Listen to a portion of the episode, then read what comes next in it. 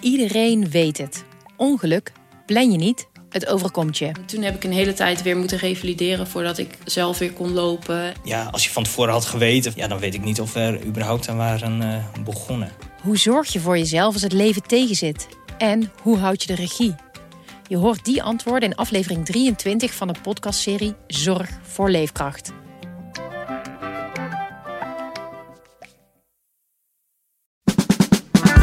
Dit is de podcast Politiek Dichtbij. Met Tobias den Hartog en Thomas Brouwer. Pieter Omzicht maakte deze week een radicale omzwaai. Stelde hij eerst nog dat het niet verantwoord was om als nieuwe partij te snel te groot te worden. Nu wil hij met NSC toch de grootste worden van Nederland. En doet zijn partij in alle kiesdistricten mee aan de Tweede Kamerverkiezingen. En verklaarde Omzicht eerder nog Kamerlid te willen blijven. Nu sluit hij niet uit premier te willen worden als de kans zich voordoet. Hoe is die verandering te verklaren? En hoe slaagt Omzicht er steeds weer in om de aandacht van de media op zich gericht te houden? Dat en meer bespreek ik met Tobias van Hartog en Hans van Soest. Ja, Tobias, eh, het gaat helemaal goed komen deze uitzending, want jij hebt het draaiboek uitgeprint. Ja, op lettertype 5. Dus iedereen heeft hier zijn leesbril uh, erbij moeten pakken. Eén grote improvisatieshow ja, deze leuk. keer. Hans, de peilingen die schieten je deze dagen om de oren. Ik ben, ik ben, blij dat jij even een vraag stelt, want uit het draaiboek kon ik het niet lezen in elk geval. Ja. Nee, wat ik al zeg, ik gok dit ook maar, want... Uh, Lezen, lezen kan ik het niet. Maar de peilingen, je ziet ze de laatste weken natuurlijk uh, wel weer voorbij komen. Die scoort twee zetels erbij, die gaan er twee, twee weer af. Af, ja. ja. En we weten ook allemaal uh, van voorgaande verkiezingen dat op dit moment peilingen uh, weliswaar trends aangeven, maar je er nog niet te veel waarde aan moet hechten. Heel veel mensen twijfelen nog. die, die denken wel van nou, ik, ik ben een beetje rechts georiënteerd, of ik ben een beetje links georiënteerd, of ik wil iets in het midden, of ik wil juist op een nieuwe partij stemmen.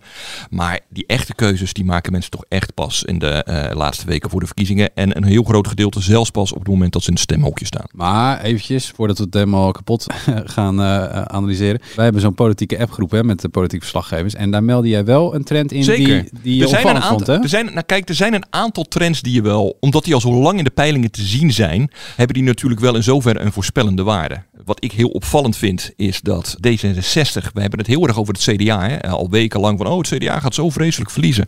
Maar kijk eens wat er overblijft van D66. Dit was, zeg maar, uh, werd toch een beetje gezien als de grote winnaar van de vorige verkiezingen. Ze werden weliswaar niet de grootste, maar hè, ze maakten een enorme stap. En, het was, en die kwamen daar met de belofte van nieuwe politiek.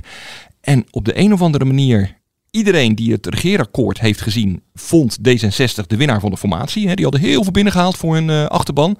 En op de een of andere manier hebben ze die achterban toch enorm teleurgesteld. En dan hebben we meteen een bruggetje.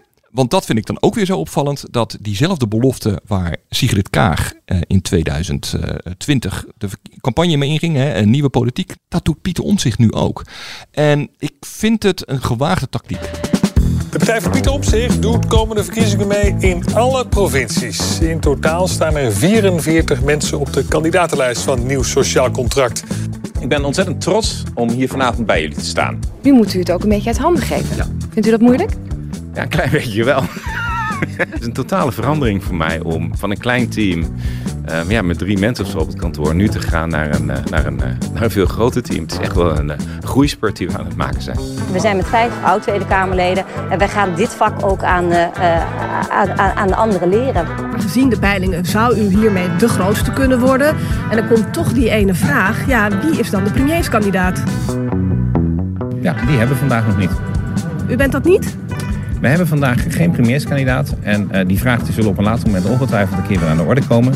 Uh, ik ben al blij dat het gelukt is om eerst een partij op te richten. En ja, met deze lijst heb ik er gewoon vertrouwen in. Pieter Omzicht presenteerde deze week zijn kandidatenlijst. Hoe heb jij er naar gekeken, Tobias? Nou ja, met uh, vliegende spoed. Want ik zat netjes klaar achter mijn uh, computer. Collega Edwin Timmer was beneden in de zaal. Hè, beneden in Nieuwspoort was dat, in, in het Tweede Kamergebouw. Uh, daar presenteerde hij die lijst. En ik zat achter de computer om een heel snel iets voor, de, voor de website te tikken. Maar wat schetste de verbazing. Kort, een kwartiertje voordat het zou gebeuren, stond die lijst al per ongeluk op de website van, van de partij. Die lekte al uit? Die lekte uit, ja. ja, ja. Dus Omzicht, die de overheid geregeld de maat neemt over hoe het met informatie omgaat, uh, had hij zelf ook ineens wat uit te leggen. Nou, ze deden er een beetje lacherig over. Het hielp mij overigens heel erg met mijn deadline, want we konden alvast uh, gaan speuren naar wie zijn die mensen. Maar ik vond het wel grappig. Ja, je hebt die lijst voor je liggen. Wat valt dan op? Ja, ontzettend veel CDA's, ex-CDA's moet je dan zeggen. Heel veel overstappers, uh, zelfs mensen waarvan je bijvoorbeeld op drie, Judith Uitermark is een uh, rechter uh, geweest in Haarlem, heeft nu de baan opgezegd, maar ook die heeft een, een CDA-verleden, staat een ambassadeur op die een CDA-verleden heeft. En heel veel mensen die tot voor kort nog binnen, binnen die partij actief waren. Dus Zelfs nu nog. Zelfs nu nog, Diederik ja. Boomsma is Diederik nu Boomsma, nog. Ja. Amsterdamse uh, raadslid. Ja, die moet uh, in alle el uh, daar kenbaar maken dat hij er niet meer bij hoort. Dus dat is, dat, is de, dat is de grote hap. En dan zitten er nog wel wat opvallende namen bij. Maar je ziet door, de, ja, door je oogharen is dit gewoon net als om zichzelf. Een, iemand die teleurgesteld is geraakt in zijn rol. En misschien ook voor een aantal mensen geldt voor hun bescheiden rol binnen het CDA. En de koers van het CDA misschien. Ja. Ik bedoel, iedereen geeft er een andere uitleg aan. Maar wat je heel vaak hoort als je aan die mensen vraagt van... Goh, waarom ben je over gestapt. Hè. Dat geldt overigens ook voor CDA's die naar BBB is gegaan. Dan komen ze vrijwel allemaal een beetje met hetzelfde. Nou, ik ben niet veranderd, maar het CDA is veranderd. En dat is wel een beetje een rode lijn die je ziet. Is dat het CDA, dat heeft zo lang bestuursverantwoordelijkheid genomen. Het is slot van oudsher een partij die ja, in het midden, uh, al die mensen, daar zit gewoon in het DNA. Wij willen niet aan de zijlijn staan te roepen, wij willen meebesturen. Nou ja, meebesturen betekent compromissen sluiten. En bij dat compromissen sluiten uh, is er dat is blijkbaar zo lang doorgegaan dat heel veel CDA'ers zich niet meer erin herkenden van waar de CDA nog voor stond. Nou ja, en die hebben zich afgesplitst.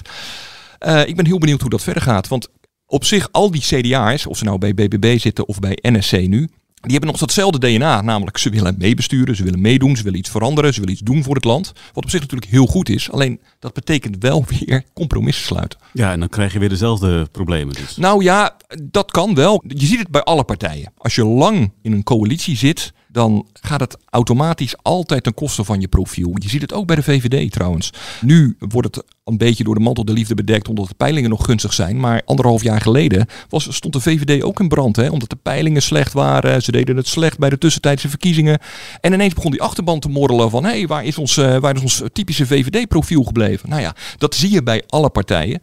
En dat zie je dus ook bij het CDA. En ja, in zoverre zijn BBB en nu de nieuwe partij van Pieter Omtzigt daar wel een beetje het gevolg van. Ja, hij heeft er nu 44. 44 mensen die voor hem de Tweede Kamer in zouden willen. Of voor zijn partij in ieder geval. Het is nog even wennen, hè? NSC en Pieter Omtzigt. Ja, die... ja, NSC. Ja, ja. Het is NSC, ja. Uh, hij zou dus volgens de peiling wel eens de grootste kunnen worden. En hij zegt nu niet langer. Hij zei altijd, ik wil gewoon Kamerlid, Kamerlid blijven. Hè, want dat is, uh, daar ben ik goed in, dat wil ik blijven doen. Maar die laatste quote van het instaatienet, ja, hij sluit het niet helemaal uit. Hij nee, laat het gewoon open. Hij wilde in ieder geval geen nee zeggen. Dat was wel duidelijk, ja. Waar komt die ommezwaai dan nu vandaan? Nou ja, kijk, als je even de film terugdraait, waar zitten we nou eigenlijk al die maanden naar te kijken? Ga even terug naar de zomer.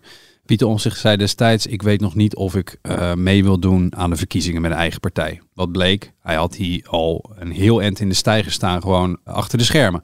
Uh, toen was het de quote, ik ga uh, wel de Kamer in en ik word geen premier. Nou, daar, daar lijkt hij dan nu een beetje op terug te komen. Toen was ook, we willen niet te hard groeien, hè, want we willen Precies. geen LPF-toestanden. We willen klein beginnen en langzaam verantwoord groeien. Kleine lijst, niet, niet overal, overal aan meedoen. meedoen. Ja, ja dat doet hij dus nu wel. Dat doet hij nu dus wel. Dus het, het lijkt wel, kijk, wij, wij als verslaggevers hollen daar ook dus maar een beetje achteraan. En we schrijven braaf op wat hij zegt. En moeten dus vervolgens wel keer op keer concluderen dat er achter de schermen al meer duidelijk was. Of dat hij al verder was. Of dat hij toch meer wilde dan dat hij allemaal beweerde. Maar beweer je nou dat het steeds toneelstukjes zijn? Ik ik denk het niet, want ik bedoel, som, sommige dingen zullen. Uh, hij zou echt wel ergens in de zomer, toen hij al heel veel in de stijgers had staan, hebben gedacht: oké, okay, maar nu moet ik nog steeds beslissen: ga ik het echt doen of niet? Dat is nog steeds een spannende stap. Spring ik of niet?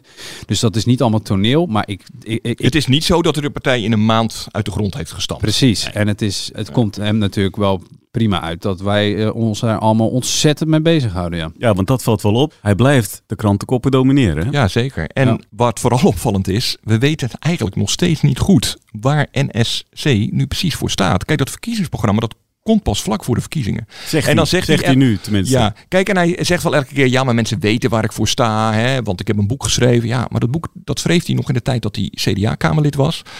Dat gaat vooral over nieuwe bestuurscultuur, hè, zoals hij dat zelf altijd noemt. Dus dat gaat over hoe kan de Kamer beter functioneren bijvoorbeeld. Maar dat gaat niet over hoe ga ik het woningnood oplossen, hoe ga ik uh, de armoede in Nederland oplossen, hoe ga ik het migratieprobleem in Nederland oplossen. Ik bedoel, daar zeg maar waar de mensen echt mee bezig zijn uh, in het land, uh, de zorgproblemen, hoe lossen we die op? Gewoon concrete oplossingen waar die partij voor staat, ja, dat moeten we nog zien. En Ik zei aan het begin van deze uitzending waarom ik het zo'n gewaagde strategie vond uh, dat NSC uh, weer zo hamert op nieuwe bestuurscultuur.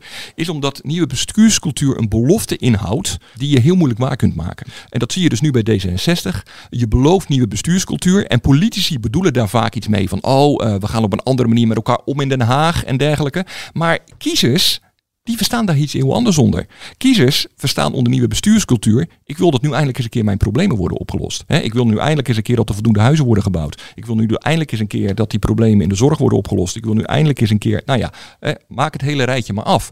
En uiteindelijk kan het eigenlijk ook niet anders duiden. Kijk naar D66. Waarvoor haken zoveel mensen die uh, drie jaar geleden nog uh, allemaal achter Kaag aanliepen, nu ineens af, teleurgesteld? Ja, is omdat ze kijken naar de problemen in het land en zeggen, ja, er is eigenlijk niks veranderd. Nee, nee, dat klopt. Dat kost namelijk heel veel tijd. En nieuwe bestuurscultuur, je belooft iets, maar kiezers willen eigenlijk vooral pak mijn problemen aan. En die problemen, ja, hoe die die gaat aanpakken, ja, we zullen het zien uh, ergens eind oktober, begin november. Ja, als je dan kijkt naar die nieuwe kandidaten, we namen ze net natuurlijk al even door. Daar zitten ook een paar bekende namen tussen. Een, een NRC-columnist uh, bijvoorbeeld. Ja. Eentje die uh, nog niet meteen bekend was, maar die zich wel meteen in de aandacht wist te brengen. Dat was deze man. Kunt u zichzelf in drie woorden omschrijven? Angela Soeboer. Ik vond het werkelijk een geniaal antwoord. Ik vond het echt, ik vond het, het was grappig, uh, het was leuk. Um, ja, ik vond het heel, heel spitsvondig. Hij heeft zijn naam ook wel mee, hè? Ja, ik wou dat ik ze altijd, ik bedoel, ik sta altijd een beetje met mijn mond vol tanden als ik dit soort vragen krijg. En uh, er zijn, je hebt van die mensen die hebben dan meteen een leuk antwoord. Daar ben ik altijd een beetje jaloers op. dus. ja, nou ja, hier kreeg hij dan misschien nog te lachen op zijn hand. Uh, daarna werd het uh, toch wat gemener links en rechts. Want op sociale media werd hij in verband gebracht met rechtsextremistische ideeën. Ja, hij zit in een metalband en dat wordt, die wordt dan weer omarmd door, door extreme groepen. En de vraag is uh, natuurlijk van wat vindt hij daar dan zelf van? En hij heeft wel eens iets positiefs over forum gemeld. Nou goed, je kan, uh, je kan er helemaal... Helemaal oplossen als je, als je van uh, linkse signatuur bent. Maar, Hij zei zelf ook trouwens dat het helemaal niets van klopt. Hè? Nee. Dat hij daar ver van nee. Dit is natuurlijk wel wat je als nieuwe partij niet wil. Dat er kandidaten opstaan aan wie misschien een randje zit. We hebben daar pas nog over gehad. Kandidaten bij wie later pas blijkt dat er eigenlijk nog wel meer aan de hand is dan dat ze in een eerste gesprek hebben verteld. Nou ja, bij Onzicht uh, heeft hij een track record natuurlijk. Hij heeft uh, drie minuten een uh, andere een persvoorlichter gehad. Ja. ja. die dus ook weg omdat hij BBB een gezwel had genoemd. Dus ja, deze mensen zijn door een HR-manager of HR-managers gescreend. Die nummer twee van Pieter Onzicht, dat is nu zijn woordvoerder, maar dat is Nicolien van Vroonhoven. Die staat dus op nummer twee op de lijst. Die zei, ja, we hebben de mensen ook nog wel even gevraagd om door hun social media heen te scrollen. En er zijn wel een aantal berichten verwijderd die misschien niet zo heel erg lekker zouden kunnen landen. Of, of dat nou dan echt het verhullen van hun ware identiteit is of gewoon een beetje onhandige tweets, dat, dat weet ik dus niet. Maar ja, dat is wel iets waar je, waar je even naar vraagt, ja. Je mag natuurlijk van mening veranderen als het echt iets lelijks is. Of uh, ja, dan, dan is, het, is het anders. Maar uh, vooralsnog zijn die verhalen nu volgens mij zeer beperkt. En dat komt deels ook. Het zijn dus een aantal daarvan zijn in ieder geval een soort van experts of professionals, wetenschappers, ja, die, die denk ik al heel wat minder uh, hun onderbuik laten gelden op uh, social media. Dus daar zal die echt wel op geselecteerd uh, hebben. Als je kijkt naar die namenlijst, bijvoorbeeld Sandra Palmer zit ertussen. Hè, dat is een topambtenaar die uh, ooit de klok probeerde te luiden over de, uh, in de toeslagenaffaire. Ja, dat is natuurlijk helemaal een, uh, een kolfje naar zijn hand. Die past perfect in zijn, in zijn agenda. Hetzelfde geldt ook voor Annemarie Heijten, die voorvechter is van de gedupeerden in Groningen. ik kan me voorstellen dat Pieter Omtzigt zich zijn lang voelt door zich te omringen met, met, met, dat soort mensen. Ja, je zei een kwartier voordat die bekendmaking was, lekte de lijst uit. Maar dat was nog maar een kwartier voor aanvang. Eigenlijk bleven die namen lang gewoon onder de radar. Afgelopen zondag deed Pieter Omtzigt nog erg geheimzinnig over zijn kandidatenlijst. En pas op het moment dat je de lijst presenteert, wil je naar buiten, komen wie die, wil je naar buiten laten komen wie die kandidaten zijn. Omdat het gewoon kan zijn dat iemand om hem of haar moverende reden van onze kant afvalt, van de andere kant afvalt. Wat ook nog kan is dat kandidaten het onderling uh, niet goed met elkaar kunnen vinden. Dat is allemaal wat je op zo'n weekend onder hoge druk probeert uit te vinden. Met welk gevoel gaat u nou naar huis na dit soort dagen? nou, ik ben heel blij met de kandidaten die ik uh, tegengekomen ben. Uh, echt onder indruk van een aantal mensen. En voor de rest ben ik totaal back af. Ja, met name dat laatste zinnetje intrigeerde me wel. Uh, voor de rest ben ik totaal back off. Hij, hij hamert daar voortdurend op. Ja, ja, ja. en de, ik vind het een enorme uh, stelbreuk met uh, Rutte. Hè? Die, die toch als een soort Duracell konijn altijd. Niet dat je, je, je mag vinden van Rutte wat je wil, maar hij, het, het is vaak voorgekomen dat hij na een heel lang debat... en dan was hij eerder in de week al in Europa ergens bezig geweest. En dan Op en na neer een- naar New York vliegen. ja, op en neer naar New York en dan een heel lang debat. En dan de volgende ochtend stond hij toch wel weer les te geven daar eh, bij het Johan de Wit College in, eh, in Den Haag. En ook al, ook al vond je helemaal niks van Rutte, dat je kon hem eh, een gebrek aan energie niet, niet ontzeggen. En om zich lijkt een hele andere, hele andere strategie of zo te kiezen. Ja. Zo, ja, ik ben moe, dus ik zeg het of zo. Of, of hij is ook moe, of hij etaleert het. Ik weet het niet. Ja, of hij wil vooral zeg maar de kaart spelen. Kijk eens hoe vreselijk hard ik werk. Ik denk eerlijk gezegd eerder dat dat het is. Dat zou kunnen. Ik, maar ik vind het een interessant. Wat ik hij ben benieuwd wat het doet, doet. hè. Eh, dus, eh, ja, ja, eh, nee, zeker. Maar ik ben benieuwd wat, wat zoiets doet. Kijk, bij, bij Rutte, die op een gegeven moment pakte dat ook. Hè, van ja, hij is nooit moe en energiek. Dus toen zijn ze het ook helemaal gaan uitbenen. Hè. Dan, dan ging hij weer op, dan riep die cameraploegen bij elkaar en ons. En dan ging hij eh, op een fiets, kwam hij dan aan, chasen. En dan ging hij weer door, weet je wel. Dat was ook een beetje het gespeelde enthousiasme en energiekheid. Maar om zich gaat een andere weg. En ik ben heel benieuwd ja, hoe, wat dat überhaupt doet voor mensen ook. Of ze daar iets van, eh, van gaan vinden. Ja, als je dan deze week kijkt hè, naar de reacties die eh, andere politici hebben op die lijst van omzicht, valt dan iets op? Ja, krekels. Ik was even in de, in het kamer, in de wandelgangen voor, voorafgaand aan die kandidatenlijst. En dan, zodra de camera aangaat, maar ook als die uitgaat, zeggen ze, ah, ik wens hem gewoon heel veel succes. Ik wens hem heel veel sterkte. En dat is ook deels gemeend, want ze vinden hem ook gewoon een goed Kamerlid. Maar het zijn ook electorale concurrenten. Dus je ziet dat qua kritiek op omzicht, en dat, dat is nog heel voorzichtig. En het schetst mij verbazing eigenlijk, dat de eerste die heel voorzichtig wat durfde te laten horen, was Harry Bontebal van het, eh, van het CDA. Weinig inhoud, weinig idealen. Dan is Pieter Omzicht natuurlijk wel de man eh, eh, met de inhoud. Dus ja, eh, hoe kijkt u dan daarnaar? Nou, Pieter die heeft natuurlijk bijna twintig jaar in onze fractie rondgelopen. Dus deze man ademt natuurlijk ook christendemocratie. Dus dat ontken ik niet. Kijk, ik vind Pieter zelf heel erg goed in zijn analyses. Eh, maar ik vind dat het wel soms tekort schiet ook aan een hoopvol perspectief. Een, een, het, het bieden ook van oplossingen. Ik denk dat dat de afgelopen dagen ook wel eh, naar voren kwam in het debat. Want hij was de man gewoon- van de ongedekte checks, om het zo maar te zeggen. ja, maar goed, ik, ik zie dat dan als een foutje waar hij zelf misschien ook niet zo gelukkig mee was. Want Pieter is vaak wel degene die juist de vinger op de plek legt. Van jongens, zorg dat het degelijk is, zorg dat het dekking is. Dus ik, ik denk dat het gewoon een, een slordigheid van hem eh, was. Ehm, want zo kennen we hem namelijk niet. Maar je kunt niet altijd in de analyserende stand blijven. Je moet ook zeggen, waar wil je wel heen met het land? Ja, dus de vraag is, eh, eh, Pieter Omzicht, je weet heel goed waar het misloopt, maar hoe gaan we het dan doen? En dat is, zag je al heel voorzichtig in het debat over Prinsjesdag. Da- Daar zei Jesse Klaar voor het soortgelijk, wat wilt u dan? En nu dus ook van een electorale concurrent. hè, we zijn geen praatclub of zo. Hè, We zijn geen Ja. praathuis hier. Ja. Er moeten toch oplossingen komen. Dus nou ja, dat hangt natuurlijk ook af van het programma dat nog komt. Maar ik vond het wel interessant dat er dus nu dat geluid een klein beetje tractie krijgt. Wel En- heel voorzichtig al. hè? Heel voorzichtig, maar het is ook bontebal. Hè. Kijk, hij, zei, hij heeft een interview vandaag in NRC gegeven, eh, de krant. En daar zegt hij ook in van ja, op het moment dat ik iets kritisch zeg over eh omzicht, heb ik een, eh, een, een, een mailbox vol met allerlei haatberichten. Ja, hij zegt daar stap ik wel overheen. Maar hij is natuurlijk ook, om- omdat omzicht ook een ex-CDA is, ja, niet, eigenlijk niet de eerste aangewezen persoon om het, om, om het te doen. Maar hij, maar ja, hij zegt doe het toch. Vind ik wel een interessante ontwikkeling. En ik ben ook, ben ook benieuwd hoe BBB zich blijft verhouden tot omzicht. Want je ziet BBB, als het over trends hebben in de peilingen, zie je dalen. Dus die zullen ook op een gegeven moment iets moeten. Ja. Maar Is dat dan afzetten tegen omzicht? Nou ja, kijk, ze, ze vissen in dezelfde vijver. Dus je hoeft niet per se eh, alleen maar af te zetten. Je kunt ook gewoon je eigen verhaal vertellen. Maar je hebt altijd partijen die in dezelfde vijver vissen. Naarmate het uur van de verkiezingen nadert, dan gaat het, gaat het onherroepelijk. Het zijn net mensen, gaat het in standje paniek. En dan... Nou ja, standje paniek. Kijk, uiteindelijk, je moet, eh, ik kan me nog herinneren, eh, aan het begin van deze campagne, vlak na de zomer of nog net in de zomer, kreeg Caroline van der Plas. Oh ja, Omtzigt had net bekendgemaakt dat hij met een partij mee zou gaan doen. En toen kreeg Caroline van der Plas voor de camera de vraag van, eh, god, waarom zouden mensen nou eigenlijk op u stemmen en niet op Pieter Omtzigt? Kijk, uiteindelijk moet zij mensen overhalen om op haar te stemmen. Het zijn verkiezingen.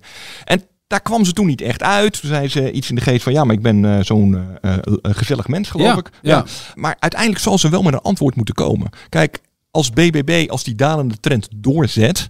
En ik geloof echt niet dat BBB het heel slecht gaat doen hoor, op 22 november.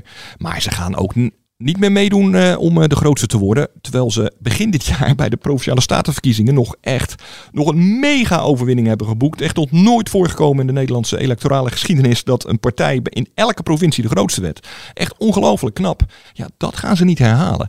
Dus ze zal op de een of andere manier haar achterban, of de mensen die toen BBW hebben gestemd, moeten duidelijk maken. Ja, waarin onderscheid ik mij nou eigenlijk van Pieter Omtzigt? Waarom moet je nou op mij stemmen? Dus ja, ik ben heel benieuwd hoe ze dat gaan doen. Ja, als we het hebben over standje paniekstand, dan eh, kunnen we het wel hebben over Partij voor de Dieren. Afgelopen zondag hadden die een congres. Esther Houwerland kreeg de steun van een grote meerderheid van de leden. Maar ze kwam direct daarna met een verrassende mededeling. Ik moet hier een besluit nemen dat mij ontzettend veel verdriet doet, maar dat wel in het belang is van de partij. Ik zal het, ik moet het zeggen, lieve mensen.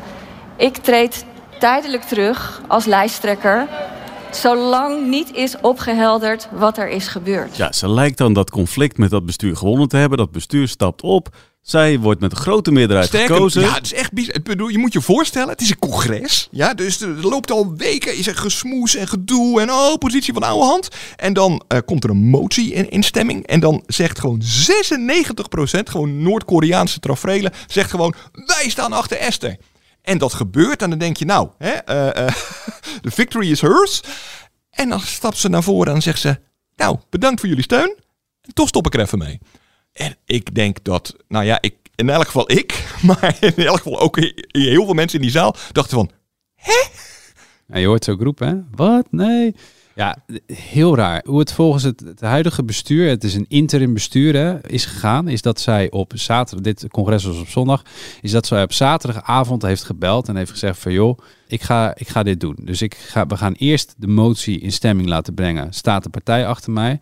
En daarna ga ik zeggen dat ik terugtreed, zolang dat integriteitsonderzoek. Nou, dat berust volgens haar alleen maar op een ruzie die ze heeft gehad met het bestuurslid over wie is nou eigenlijk de baas, eh, het oude bestuur, eh, bestuurslid. Wie is nou eigenlijk de baas bij de Partij voor de Dieren? Kan ik lijnen uitzetten of luistert dat bestuur de hele tijd naar de oprichters van de partij en word ik daardoor, wordt mijn positie en mijn macht ondermijnd? Daar is, daar is het waar in de kern om gaat.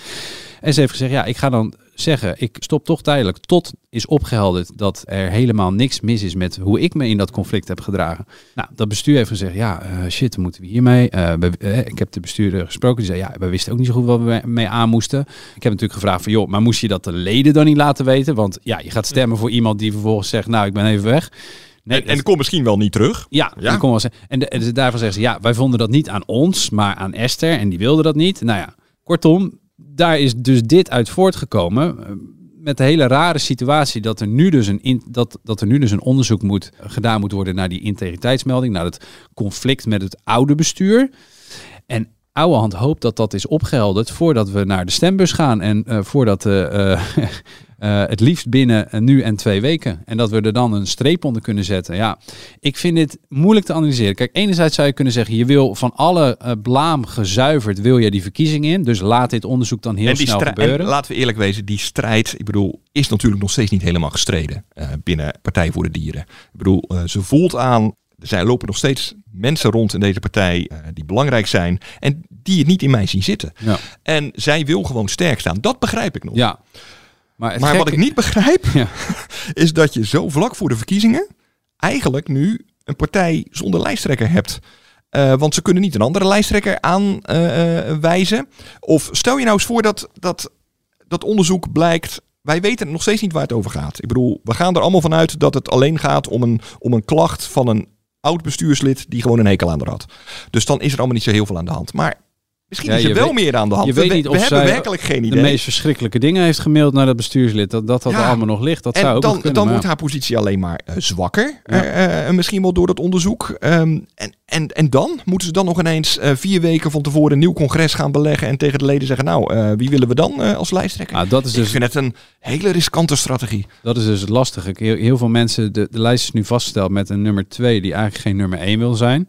Mocht Esther Ouwehand uitvallen en de, degene die het eventueel wel zou over willen nemen staat lager op de lijst. Kijk, die leden hadden misschien wel willen zeggen, ja, hadden we dan maar eh, voor de nummer 2 gekozen die echt een alternatief is voor Ouwehand. Hè? Mocht ze eruit vallen, dan hebben we haar. En dat is niet gebeurd. Het is echt een shitshow. En ik denk dat het nieuwe bestuur nu dus in ieder geval onder druk staat om heel snel dat onderzoek uit te voeren. Nou, ik ken geen eh, succesvol onderzoek naar integriteit in de politiek. Het wordt altijd een zootje. Het wordt altijd een Altijd. Kijk naar Ariep, kijk naar eh, de jongen van eh, P van de A destijds, Gijs van Dijk. Het Kijk wordt naar Gundogan. Gundogan. Het wordt altijd een shitshow. En dan wil je dit dus heel strak regisseren Ja. in een week of twee. Ik ben echt benieuwd. Ik denk dat we het hier later dus nog een keer over gaan hebben. Over dit, eh, over de positie van Ouwehand en hoe het verder moet met Partij voor de Dieren. Want ja, dit is, het heeft alles in zich om, om nog een keer tot een crash te komen. En wat ga je dan, dan van merken op 22 november? Kijk, op zich hebben zij een, een, een stabiele achterban die, die trouw eh, komt. En, en, en die groeit ook vrij stabiel al eh, jaren, eh, door de jaren heen. Het was ook geen, de, de partij is niet opgedoekt op het moment dat Marianne Thieme, hè, toch het boegbeeld, een van de oprichters, ermee stopte en het stokje overgaf. De partij is ook niet eerder ten onder gegaan toen de ruzie was over de positie van Ouwehand. En want mind you, ze hebben haar al een keertje geprobeerd de partij uit te duwen. Zij is toen met steun van de leden terug op de lijst gekomen. Dus ik verwacht niet dat het een totale implosie is. Maar het helpt natuurlijk niet. In elk geval de extra groei die je had kunnen maken. Ja, Ja, daar moet je voor vrezen, Ja. denk ik. Dat is wel weg. Hans, wat is het eigenlijk de laatste keer dat jij last had van zelfoverschatting? Nou, dat ligt eraan wie je het vraagt. Ik denk dat er wat mensen eh, in mijn omgeving zijn die een beetje een hekel aan mij hebben. Die vinden dat ik daar voortdurend aan eh, leid. Maar Ik- vanwaar deze vraag? Want ik kan ik- het draaiboek niet lezen. Dus ik heb geen idee waar je Mag naartoe ik, wil. mag ik, mag ik, eh, maar, hij overschat zichzelf eenmaal per jaar. Dat is namelijk in de voorspelling wat Sparta doet tegen Feyenoord. Dan is het altijd een hele stoere 3-0 of zo, zegt hij dan. Dat is, dat is, nee, maar dat, eh, dat is het enige. Dat is de enige keer. Nou ja, eh, er was iemand van de PVV die deze week eh, aankondigde zes uur te willen gaan spreken tijdens het debat over de Ah, spreidingswet. daar gaan we naartoe. Dat was eh Gidi Markenshouwer. Die belofte die maakte hij uiteindelijk niet helemaal waar. Laat mij snel beginnen, voorzitter, want er is veel te bespreken en er is relatief weinig tijd. Wij gaan tegen deze wet stemmen. Wat is staatssecretaris antwoord?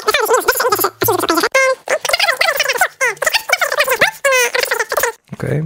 Nou, ik wacht de antwoording, beantwoording van de staatssecretaris met veel eh, interesse af. Ik dank de voorzitter voor de coulance die ze mij heeft geboden. En eh, ook mijn fractievoorzitter voor de toestemming dat hij eh, mij toestaat de filibuster eh, eh, te eindigen. Dus daar bij deze. Mevrouw Piri. Dank u wel. Interruptie van mevrouw Piri. Meneer Marcus Sauer. Ja, eh, voorzitter, lichte teleurstelling moet ik zeggen. Want eh, de PVV-collega had hier ingetekend voor zes uur. Hij heeft het twee uur en vijf minuten inclusief interrupties volgehouden. Ja. En laat ik in ieder geval voor de handelingen noteren... dat de heer Mark Sauer niet de eerste man is... die zijn uithoudingsvermogen heeft overschat. Dit was dus tijdens het debat over de spreidingswet. De wet waarmee gemeenten kunnen worden gedwongen om asielzoekers op te nemen. Ja, Kati Piri is dus een beetje teleurgesteld. Marcus Houwer sprak twee uur. En vijf minuten. En vijf in plaats van zes. in plaats van uur. zes. Of Ja. zes en een half. Ja, nee. Ja. Dit, dit was dan een soort poging tot wat, wat ze in Amerika dan hebben. Een filibuster. Eh, volgens mij werkt het systeem daar heel anders. Maar dit, de, de grote het doel van zo lang praten is vertragen. Dus zoveel vragen stellen dat, eh, dat de staatssecretaris en ambtenaren overvoerd worden.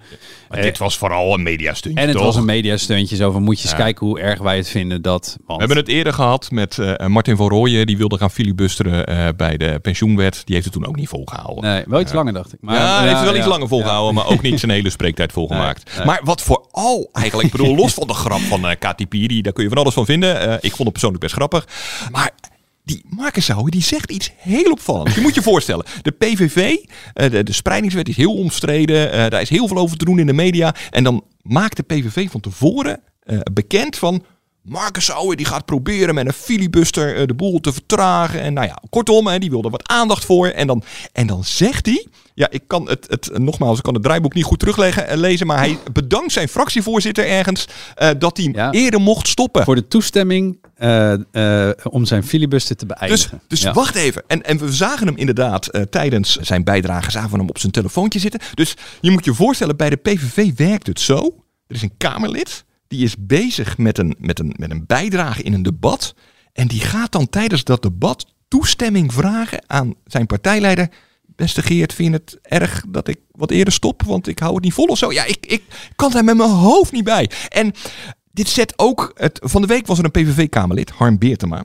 Die wilde niet meer terug op de lijst. Hij vond zijn, zijn plek op de lijst te, te, op- te laag. hij werd op 16 maar, gezet. Hij vond het laag. maar hij zei er ook bij dat hij het een beetje zat was. Eh, dat er binnen de eh, PVV, zeg maar, dat je als Kamerlid niks hebt in te brengen. Dat alles wordt, inge, eh, alles wordt bepaald door de grote leider. Nou, als zelfs je toestemming moet hebben als Kamerlid. of je eerder mag stoppen met je, met je mediastuntje. Pff, Allemachtig zeg. Ja, ik zou daar niet graag Kamerlid zijn, denk ik. Als het zo is, ja, het is wel apart. Hij zegt het eh, zelfs nog Hij zegt het wel zo, dus dat ja, zal zo zeker. zijn. Ja, ja, nou ja, misschien bedoel... Kijk, Gidi Mark zou, eh ken hem een beetje. Hij heeft ook wel gevoel voor humor. Ik kan me ook nog voorstellen dat het een soort tong-in-cheek ding was. Maar ja, goed, eh, je weet het niet. Zoals hij het zei, eh, was het inderdaad wel heel opmerkelijk. Ja, die spreidingswet, eh, moeten we het daar inhoudelijk nog over hebben? Ik zie hem niet komen. Nee, kijk, in, het probleem is, er is de, de staatssecretaris van den Burg zit nog steeds met, die, eh, de- met, zijn, met zijn ziel onder zijn arm. En die wet aan, onder de andere arm loopt hij door die, dat kamergebouw te leuren. Zijn eigen VVD wil heel die wet niet meer. Die hebben de handen ervan afgetrokken. In de, eerste, of in de Tweede Kamer heb je eh, de SP nodig om tot een meerderheid te komen. Nou, de SP, Jasper van Dijk, die heeft dit wel eens eerder gedaan. Maar die zegt dan, ja, ik weet het allemaal niet. Kom er volgende week eh, eh, op terug na de fractievergadering. Nou, dan wordt het ook weer een mediamomentje. Wat wil de SP? Maar ook in de Eerste Kamer is er bij, bij lange na geen meerderheid voor die wet. BBB en SGP voelen niet voor eh, de wet zoals die er nu ligt. Dus ja, de vraag is... Stel dat hij het haalt in de Tweede Kamer, eh, gaat hij het dan halen in de Eerste Kamer? Gaat hij ooit tot uitvoering komen eh, op het moment dat eh, Van den Burg hem echt nodig heeft? Ik durf het allemaal te betwijfelen. Het zou zomaar weer op het bordje van de formatie kunnen komen te liggen. Ja, dus die gaat er dan niet komen voor 22 november. Ik zou er geen auto op verwedden. Als we dan wel gaan kijken naar eh, dingen die eraan zitten te komen volgende week. hey, zitten we aan het eind? Ja, sorry, ik kan het niet lezen. Dus, eh, maar we zitten aan het eind, begrijp ik, eh, aan jouw eh, opmerkingen, Volgende Thomas. keer doet eh, Hans de printjes, jongens. We zitten aan het einde van deze uitzending. En dan kijken we altijd even vooruit. En wat staat er dan volgende week op de agenda's? We hebben op woensdag en donderdag het debat over de, de, de, de algemene financiële beschouwingen. Dat is zeg maar, je hebt altijd de algemene beschouwing, politieke beschouwingen. Dat is na Prinsjesdag, dan gaat het over de ideologie. En bij de AFB, zoals dat dan heet, gaat het eigenlijk over, oké, leuk al die plannetjes. En we hebben het daar al nodig over gehad, hè, over toch nog veer, eh, eh, treinkaartjes goedkoper maken. Toch nog eh, het sociaal minimum, minimumloon omhoog. Nou, bij dit debat dan moeten alle partijen met de billen bloot met ja, maar hoe gaan we dat dan betalen? En is dat wel te doen? Dus dat is. We hebben daar voorstellen voor gedaan. Ze hebben daar voorstellen voor gedaan, maar daar hebben de ambtenaren dus nu ook naar gekeken. Nou, bij een van de voorstellen was de belastingverhoging voor eh, banken. Nou, dan zag je de beurs een dag later al eh, eh, de, de, de noteringen van de banken al flink duiken. Dus nu wordt het wel de nitty en de gritty van oké, leuk allemaal, maar... eh, Gratis bier beloven. Gratis eh, wat ze zeg maar andere hier. partijen beloofden. eh, Ja. Of verweten. Verweten, dat, ja. eh, ehm, ja. ja, dat stopt hier. We gaan woensdag en donderdag gaan we, komen de bonnetjes op tafel. En het is de laatste verhoorweek van de parlementaire enquêtecommissie Fraudebeleid en Dienstverlening. Mark Rutte moet nog een keer terugkomen. En dan gaan de leden van die commissie schrijven aan een eindrapport. En dat wordt nog best spannend, want het merendeel van die commissie komt na 22 november niet meer terug. Eh, zoals het er nu naar uitziet, ook mensen die wel op lijsten staan, staan niet op lijsten die volgens de peilingen althans op verkiesbaar zijn. Dus ik ben echt heel benieuwd eh, eh, of ze nog gaan proberen voor 22 november hun rapport af te scheiden. En maken ze hem dan wel af als ze niet terug kunnen? Nou ja, dan zal, er zullen er na de verkiezingen nieuwe mensen voor die commissie moeten worden benoemd. En die zullen dan het werk moeten overnemen. Maar ja, het, het, is, het is wel, het blijft toch. Ja, dat is een rare Beetje, timing. ja. Maar het is sowieso spannend, hè? Want zij gaan, ze hebben dus beloofd ook te kijken naar de rol van Kamerleden in hoe is de, eh, die hele harde toeslagen, eh, of de hele harde fraude aanpak, hoe is dat nou tot stand gekomen? Hè? Dan- gaan ze dus ook in de spiegel kijken. Dus het is best ook een spannend rapport in die zin van ja, durven ze ook te zeggen van Kamerleden hebben de druk wel behoorlijk opgevoerd bij de ministeries om die fraude aanpak zo hard mogelijk te, te maken. Dus dat is, wel een eh, spannende, spannende week. Ja, volgende week eh, daar veel meer over. Tot zover deze aflevering. Vind je dit nou een podcast? Abonneer je dan. Dat kan via Spotify of Apple Podcast. En volgende week zijn we er weer. Tot dan.